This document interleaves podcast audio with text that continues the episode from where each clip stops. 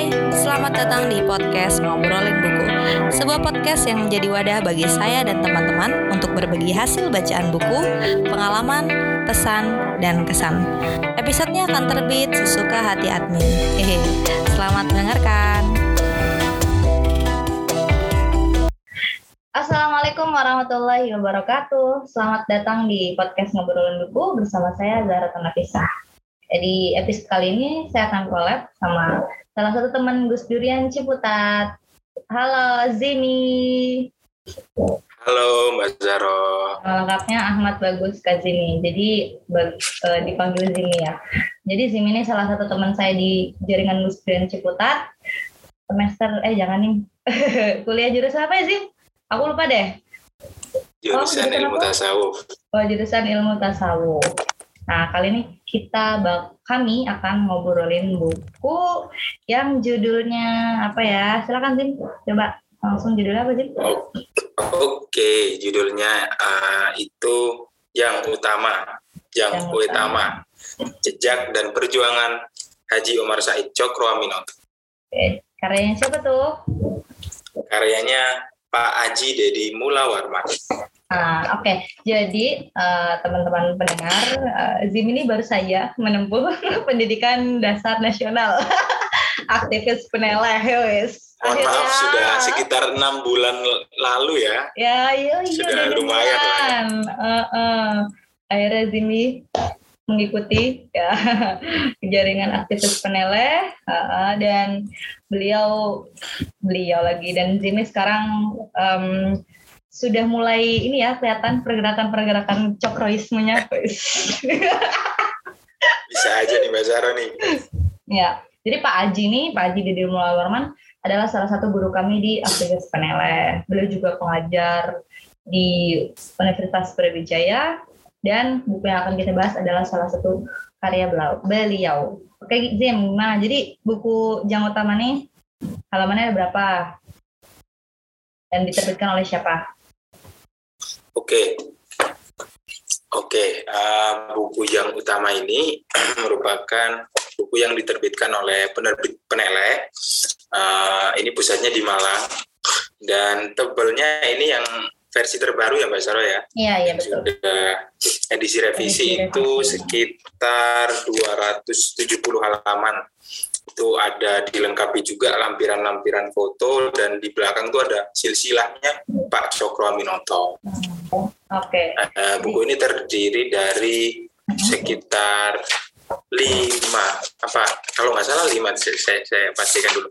Oh delapan delapan bab, bab. sorry delapan bab. Terdiri dari apa aja tuh? Uh, terdiri dari uh, bab uh, sebenarnya ini karena ini seperti buku apa ya biografi dan perjalanan gitu kan. Jadi yeah. ini uh, ceritanya dari uh, awal pra atau sebelum lahirnya Pak Cokro sampai kemudian wafatnya eh setelah wafatnya Pak Cokro gitu. Hmm. Jadi ada gimana uh, situasi apa situasi sosial politik sebelum hmm. Pak Cokro lahir, lalu Pak hmm. Cokro kecil, Pak Cokro remaja, lalu pergerakan Pak Cokro ketika dewasa, sampai kemudian masa-masa menjelang wafat dan setelah wafatnya Pak Cokro. Iya. Oke, jadi di bab hmm. di bab-bab akhir juga uh, uh, Pak Haji me, men, menyantumkan ini sih ada beberapa sahabat dan murid Pak Cokro yang menurut beliau sangat dekat gitu dan juga ada bagian refleksi juga sih dari Pak Haji. Hmm. Eh, jadi buku Jang Utama ini semacam buku wajib ya buat teman-teman aktivis peneleh sebelum membaca yeah. karya-karya beliau yang lain gitu. Nah kalau yeah, betul. karya puncaknya itu ada karya memeriksa alam kebenaran. Ya, ya, ya. Dan itu kalau mau baca itu disarankan ya tahapannya sudah membaca karya-karya beliau yang lain. Nah sekarang buku yang kita akan bahas ini tentang biografi beliau.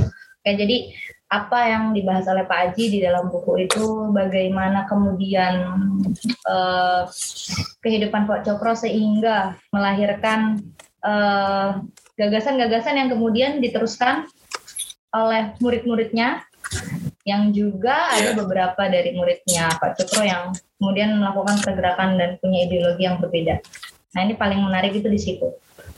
Oke, silakan Zim. Ya, oke, Mbak Zahro. Uh, jadi sebenarnya garis uh, besar pembahasan buku ini memang uh, bercerita tentang ya ya sesuai dengan judulnya ya jejak dan perjuangan Pak Cokro gitu. Jadi yang menarik gitu ya dari uh, buku ini, buku ini cukup kaya uh, dengan literatur-literatur ya hmm. dan me, me, apa ya tidak mengambil uh, kan biasanya orang salah satu hal yang agak sulit menurut saya Mbak Zahra untuk hmm. menulis satu biografi atau hmm. satu uh, buku yang berisi sejarah itu bagaimana hmm. kemudian kita bisa tekun, bisa gigi dan bisa pas untuk memilih referensi-referensi yang digunakan gitu kan.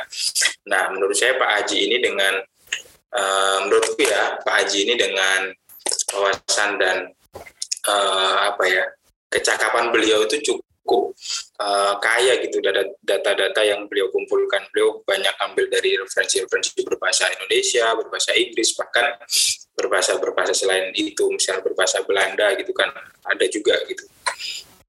Nah, uh, pertama yang mungkin mau aku share gitu ya dari hmm. buku ini. Jadi buku ini itu bercerita tentang uh, Pak Cokro, perjalanan Pak Cokro. Hmm. Di mana sebenarnya beliau kan lahir dari uh, keluarga yang sebenarnya kalau bisa kita bilang cukup mapan ya. Yeah. Beliau uh, ada keturunan kiai yeah, ada yeah. dan keturunan yeah, bangsawan. Yeah. Nah, dan dua-duanya sebenarnya udah privilege uh, banget lah. Kalau bisa dibilang iya marga elit lah Mbak Sarah, yeah. karena kan mm. waktu itu keturunan uh, terah Kiai Hasan Besari itu mm. itu uh, kalau saya baca juga hmm. itu salah satu terah yang kemudian berpengaruh nanti kepada uh, dunia Islam uh, hmm. selan apa ya perkembangan Islam di Indonesia gitu. Hmm. Dan kalau dari bangsawan beliau uh, ikut ke ini Paku Alam ya kalau nggak salah di hmm. yang terah dari Surakarta itu. Hmm.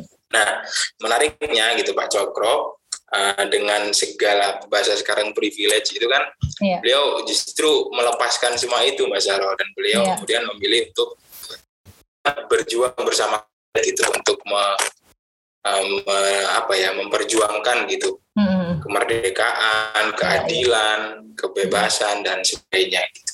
Mm. Itu sih uh, Mbak Zaro yeah, okay. yang menarik gitu. Mm -hmm. Nah, nah terus uh, karena tadi kan saat Pak Cokro kemudian melepaskan apa ya tadi privilege-nya ya sebagai seorang keturunan bangsawan, apa yang beliau lakukan gitu untuk kemudian memperjuangkan kemerdekaan bersama uh, rakyat. Oke, nah uh, tentu ya uh, waktu itu Pak Cokro juga uh, menempuh apa ya melakukan upaya-upaya yang tidak sedikit gitu nah hmm. tapi memang mungkin kalau bisa kita bilang gitu satu satu tempat atau wadah yang kemudian menjadi tempat Pak Cokro untuk melakukan perjuangan yang hmm. dengan durasi yang lama dan hmm. sangat ini tuh ya di SI atau hmm. Syarikat Islam itu kan yang yeah. Ya. awalnya uh, bernama SDI itu Syarikat hmm. Dagang Islam gitu. Hmm. Nah Pak Cokro uh, waktu itu beliau bergabung uh, di tahun sekitar 1912 kalau nggak salah 1912 hmm. lah beliau mulai uh, terlibat dan bergabung aktif itu sebelumnya kan beliau uh, sebelum beliau pindah ke Surabaya sempat bekerja kan hmm. terlebih dahulu di uh, dengan Belanda tapi hmm. kemudian beliau memilih hijrah melakukan hmm. hijrah hmm. dan kemudian beliau hijrah ke Surabaya yeah. nah di situlah kemudian beliau berkenal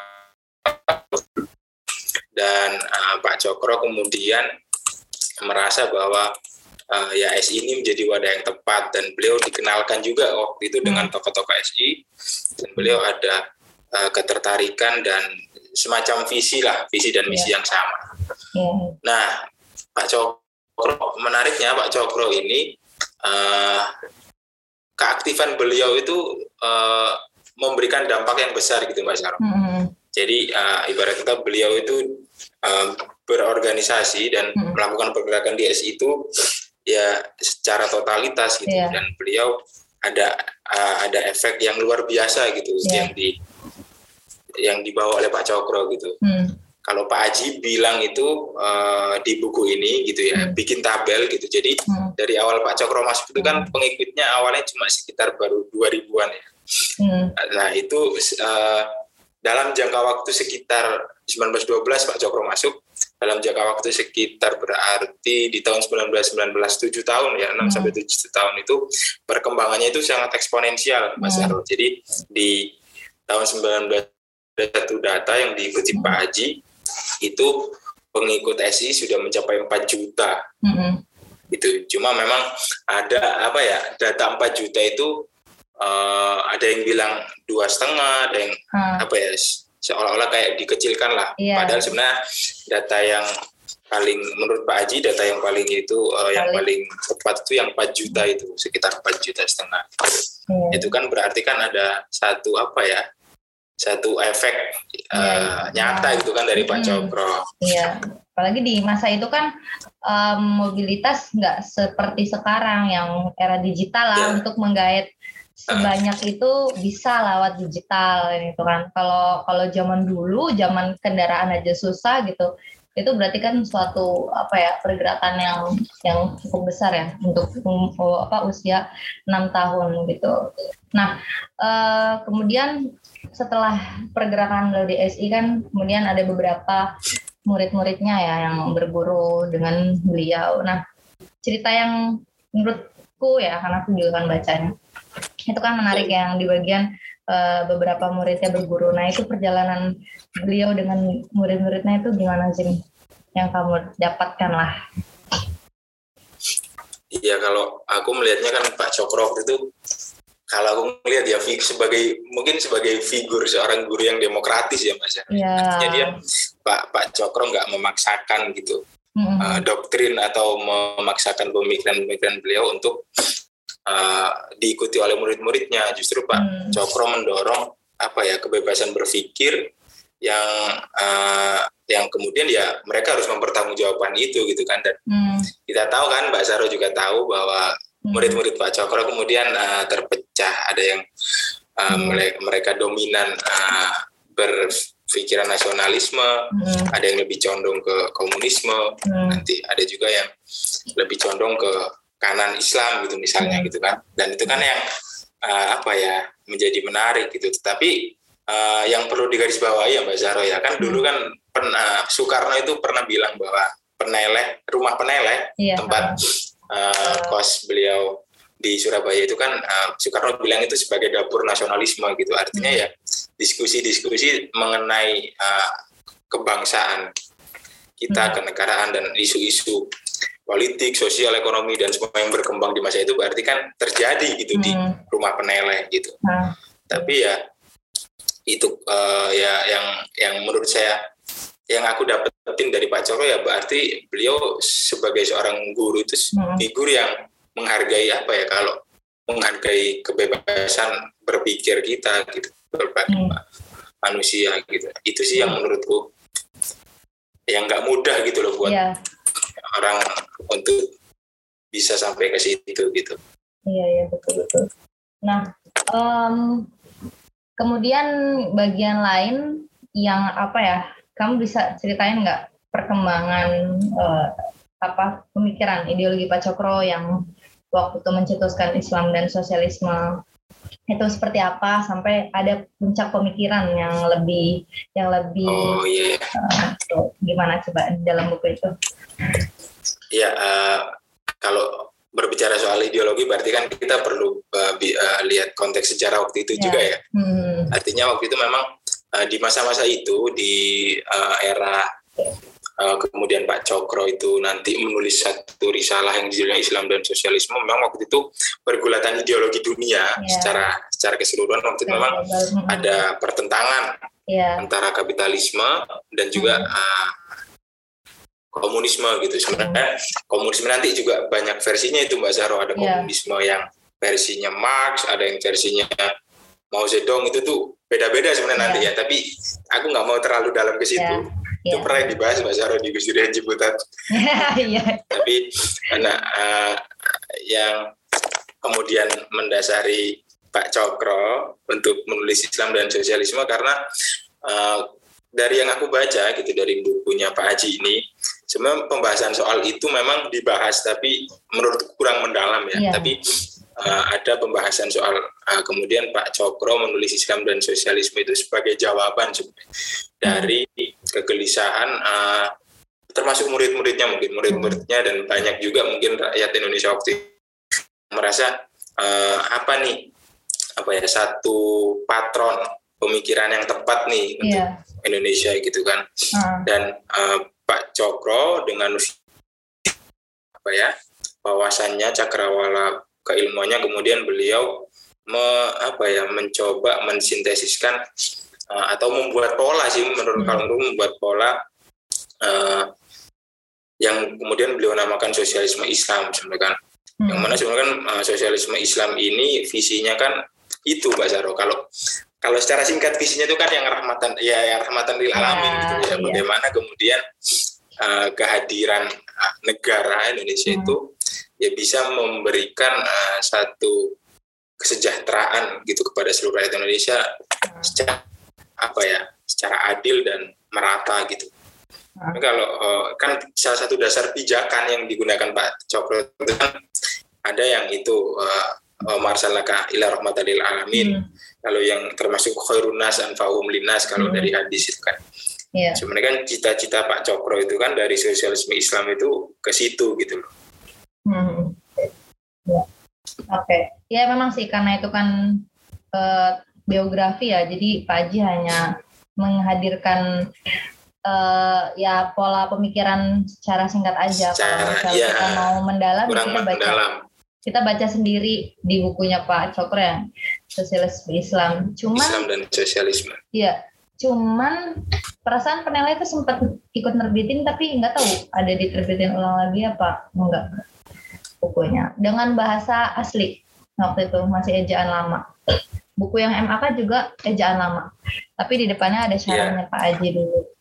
Gitu. Kamu udah baca? Aku kalau MAK baca tapi belum semua. Agak-agak berat soalnya baca yeah. MAK itu. Betul betul banget. Ya, aku juga baru baca lagi, kayak nangkapnya masih aduh, apalagi ejaannya aja lama kan untungnya dikasih syarah di depannya gitu hmm, oke okay. tadi kan kita ngomongin tentang uh, apa namanya situasi semasa Pak Cokro hidup. Nah kalau yang diceritakan oleh Pak Aji di setelah meninggal meninggalnya Pak Cokro itu gimana keadaan Serikat Islam? Kayaknya itu sih yang dibahas ya. Ya ada, ada juga pembahasan terus tapi menurutku sebelum ke ke sana gitu uh, kayaknya ini juga yang perlu penting dibahas itu soal ini sih soal apa? gerakan kebudayaan ah oh iya iya iya, iya. oke oke gimana itu kan menarik juga gitu kan hmm. yang Pak Cokro waktu itu kan sempat bikin te, apa tentara kanjeng Nabi Muhammad nah, sama iya. yang Jawa Dwipa itu loh Jawa Dwipa iya betul nah itu kan Nah, kalau di uh, kalau jadi waktu itu Pak uh, Cokro uh, sempat membuat satu apa ya satu komunitas atau organisasi itu tentara kanjeng Nabi dan Jawa Dwipa gitu yang mm. uh, menurut Pak Aji ini sebenarnya salah satu uh, beberapa gerakan dengan pendekatan kebudayaan yang dilakukan oleh Pak Cokro gitu. Mm-hmm. Sebenarnya visi mereka tetap sama, maksudnya dalam naungan ingin mewujudkan kemandirian atau self gesture itu. Yeah. Yeah, Cuma yeah. memang kalau yang uh, tentara kancing Nabi dan Jawa Dwipa itu lebih ke uh, corak kebudayaan yang yang ditonjolkan gitu. Hmm. Yang itu nanti kemudian kan peneleh juga mengadopsi itu kan bahwa yeah. gerakan kita uh, tidak hanya institutional drift tapi juga cultural drift gitu. Hmm. Hmm. Jadi nah, yang, uh, Hmm. Hmm, yang munculnya gimana? gerakan tentara kanjeng Nabi itu gimana? Yang oke, okay, yang tentara kanjeng Nabi ya. Kita bahas itu. Hmm. Kalau yang tentara kanjeng Nabi itu sebenarnya uh, lagi-lagi ini sih uh, Pak Haji nggak nggak sebenarnya uh, aku kalau nggak salah lihat beberapa yang lalu itu ada satu pembah satu buku tersendiri Mbak Zaro yang bahas uh. soal tentara kanjeng Nabi dan Jawa Dwipa itu ada satu buku sendiri yang nerbitin kalau nggak salah komunitas bambu Depok itu loh. Oh, aku ber, aku belum. Ada satu yang uh, uh, dibahas dalam satu buku tersendiri. Soalnya di bukunya Pak Haji lagi-lagi ini cuma dicantumkan sebagai apa ya? Untuk nggak nggak nggak nggak lengkap gitu loh Mbak. Hmm. Jadi aku juga kayaknya nggak bisa cerita terlalu komprehensif. Tapi hmm. yang jelas uh, tentara kanjeng Nabi waktu itu dibuat Pak Cokro itu untuk uh, apa ya? Kan itu atas respon ini munculnya kalau nggak salah aku lupa lupa ingat penghinaan kepada Nabi Muhammad nggak sih yang ditulis oleh penulis mana di koran? Ya nggak? Ya itu ada ada satu tulisan. Jadi uh waktu itu Pak uh, ini respon dari tulisan uh, di satu apa ya artikel di um, koran, kali ya atau iya. semacam media waktu itu yang ditulis oleh ini ada Pak Joy dia nulis bahwa uh, mencitrakan ini yang mencitrakan Nabi Muhammad secara buruk lah oh. ada redaksinya yang Gusti Kanjeng Nabi Rasul minum opium kadang suka menghisap opium pokoknya mencitrakan uh, Nabi Muhammad dengan citra yang buruk gitu yeah, iya. kemudian yeah Pak Cokro merespon itu dengan membuat tentara kanjeng Nabi yang waktu itu diketuai Pak Cokro juga hmm. dan hebatnya waktu itu awalnya kan ini dibuat Pak Cokro itu satu ya tapi kemudian ada beberapa cabangnya juga gitu oh, iya. di Surakarta ada hmm. di Surabaya ada gitu bentuk pergerakannya seperti apa sih kalau bentuk pergerakannya sebenarnya memperjuangkan itu sih apa ya uh, kayak memperjuangkan apa ya Islam gitu karena waktu itu ya tapi bukan Islam yang kayak yang diperjuangkan ya. Kartosuwiryo tapi lebih ya, ke ya. kayak ya apa ya kalau mungkin kalau sekarang itu lebih ke kayak lebih pengen bahwa Islam tuh dihargai gitu loh jangan hmm. uh, dikesampingkan gitu hmm. karena ini juga nanti tentang Nabi ini ada gerakan tandingannya yang dibuat sama Haji Misbah itu. Pokoknya ini sebenarnya ini juga ada apa ya faktor-faktor politiknya juga hmm. gitu loh Mas. Arab. Iya iya, betul betul.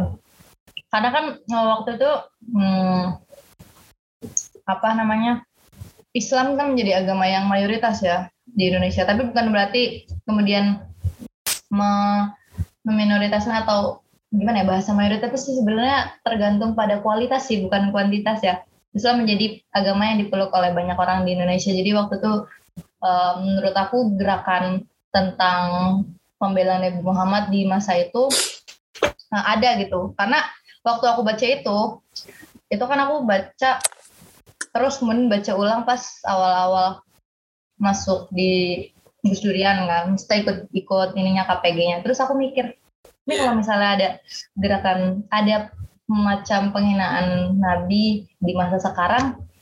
Terus kemudian rame. Uh, terus kan direspon. Menurut aku situasinya nggak nggak akan kayak gini lagi. Jadi respon masyarakat itu uh, ulama-ulama kita guru-guru kita kan udah lebih santai gitu loh. Udah kayak nggak mau terlalu merespon uh, kasus kayak gitu gitu. Karena masyarakat juga udah sadar gitu soal ya tentang sifat Nabi Muhammad. Dan kalau kita ngerespon sebenarnya mereka hanya um, bisa mungkin mengalihkan isu lain atau seperti apa. Kayak gitu sih waktu itu pikiranku kayak gitu.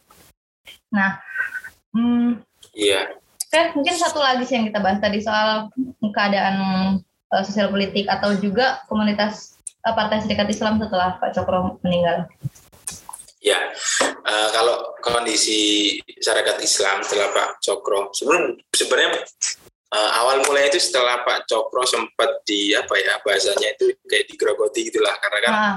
Pak Cokro waktu itu sebenarnya ini akibat juga uh, karena SI kan sempat uh, ada pecahannya Pecahan. gitu kan yang ya, ada SI merah gitu kan kemudian uh, itu jadi dasar PKI di kemudian hari gitu kan. Iya. Nah awalnya itu di situ sih kalau aku baca karena semenjak S, uh, uh, siapa Semaun dan kawan-kawan di SI Merah itu dia gerakannya kan semakin radikal gitu ya, kan karena anak muda lah gerakan anak enggak, umur 20 udah nggak udah gak, udah nggak sabar gitu kan iya uh, SI yang awalnya uh, dibiarkan maksudnya diberi ruang bebas oleh yeah. pemerintah buat melakukan pergerakannya kemudian menjadi diawasi gitu loh mbak hmm. dan di tahun-tahun mulai nah, nah mulai tahun 1920 itu 1920 sampai uh, sekitar 19 berapa ya pokoknya dari dari 1920 itu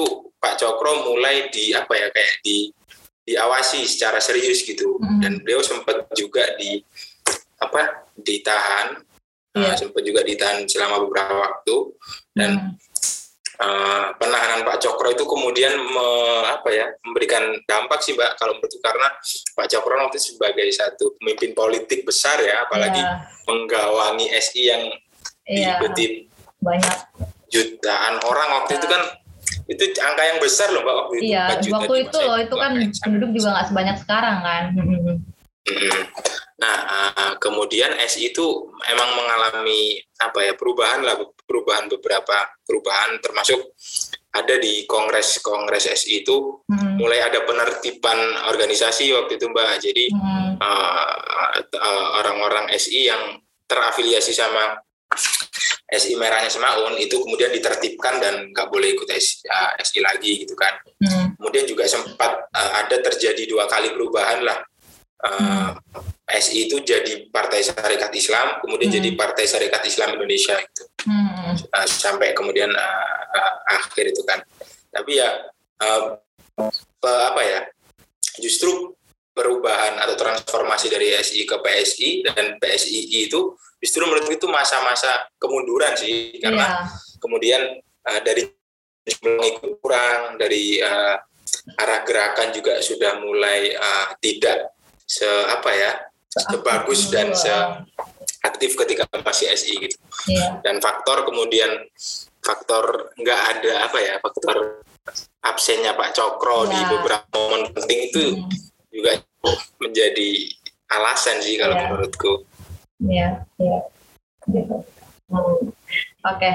Oke, okay, kayaknya uh, segitu aja ya obrolan kita tentang buku Jam Utama. Siap. Yang uh, menarik sih Pak Aji nih, memang kalau nulis buku itu detail, dalam, terus karena pengetahuan beliau juga luas. Dan menurut aku ya ini sebagai murid juga kan dari Pak Haji merasa uh, setiap aku membaca karyanya Pak Haji tuh kayak aku berdialog gitu loh sama Pak Haji gitu. Kayak bener-bener uh, ngerasa bahwa ya dia nggak beliau beliau beliau tuh kalau nulis atau ngomong tuh nggak menggurui gitu bener-bener sangat sangat tidak menggurui jadi um, aku merasa bahwa beruntung dan bersyukur lah menjadi bagian dari yep. murid Pak Aji dan teman-teman lain. Oke, gitu aja sini hmm, kita bisa nanti ngobrolin buku lain. Terima kasih buat teman-teman yang mendengarkan. Semoga bermanfaat. Wassalamualaikum warahmatullahi wabarakatuh.